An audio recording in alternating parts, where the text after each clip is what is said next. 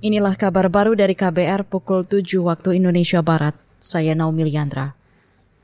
Kepolisian yakin buron kasus korupsi Harun Masiku berada di dalam negeri. Kepala Divisi Hubungan Internasional Polri, Krisna Murti, mengatakan Harun sempat keluar negeri selama sehari kemudian kembali lagi ke tanah air.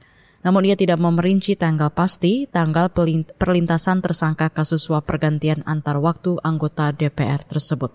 Ada data perlintasan yang menunjukkan bahwa yang bersangkutan ada di dalam negeri. Jadi ya Pak rumor-rumor yang beredar seperti itu ya kami sampaikan. Tapi kami tidak menghentikan pencarian terhadap yang bersangkutan di luar negeri. Itu tadi Kepala Divisi Hubungan Internasional Polri, Krisna Murti. Sementara itu KPK berkomitmen menindaklanjuti temuan Polri. Juru bicara KPK Ali Fikri mengatakan informasi itu akan ditelusuri oleh Deputi Penindakan agar keberadaan Harun yang sudah buron tiga tahun ini mendapat titik terang. Kita ke soal lain. Presiden Joko Widodo menyatakan tingkat kepercayaan dunia internasional terhadap ASEAN sangat tinggi. Jokowi menyinggung hasil survei sentimen bisnis Uni Eropa ASEAN melibatkan 600 sektor swasta di Uni Eropa. Hasilnya menunjukkan lebih dari 60 persen responden yakin ASEAN sebagai kawasan dengan ekonomi terbaik. Hal itu diungkapkan Jokowi saat membuka sidang umum ke-44 organisasi antar parlemen negara ASEAN di Jakarta kemarin. Survei tersebut menunjukkan bahwa trust kepercayaan terhadap ASEAN sangat tinggi dan tugas kita semua untuk menggunakan trust tersebut, menggunakan kepercayaan tersebut untuk membangun Asia Tenggara yang sejahtera. Presiden Jokowi menambahkan mayoritas responden juga menyebut ASEAN sebagai kawasan penting.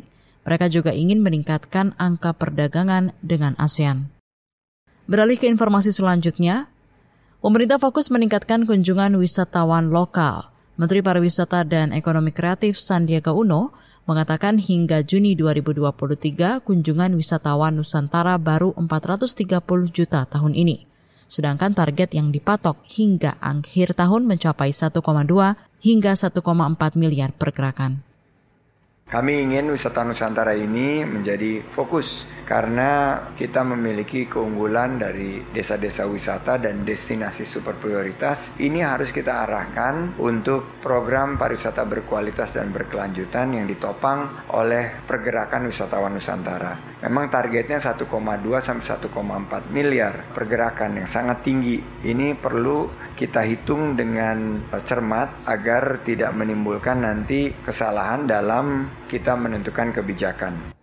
Menteri Pariwisata dan Ekonomi Kreatif Sandiaga Uno menambahkan pergerakan wisatawan lokal masih didominasi dari Pulau Jawa, yakni Jawa Timur 26 persen disusul Jawa Barat dan Jawa Tengah.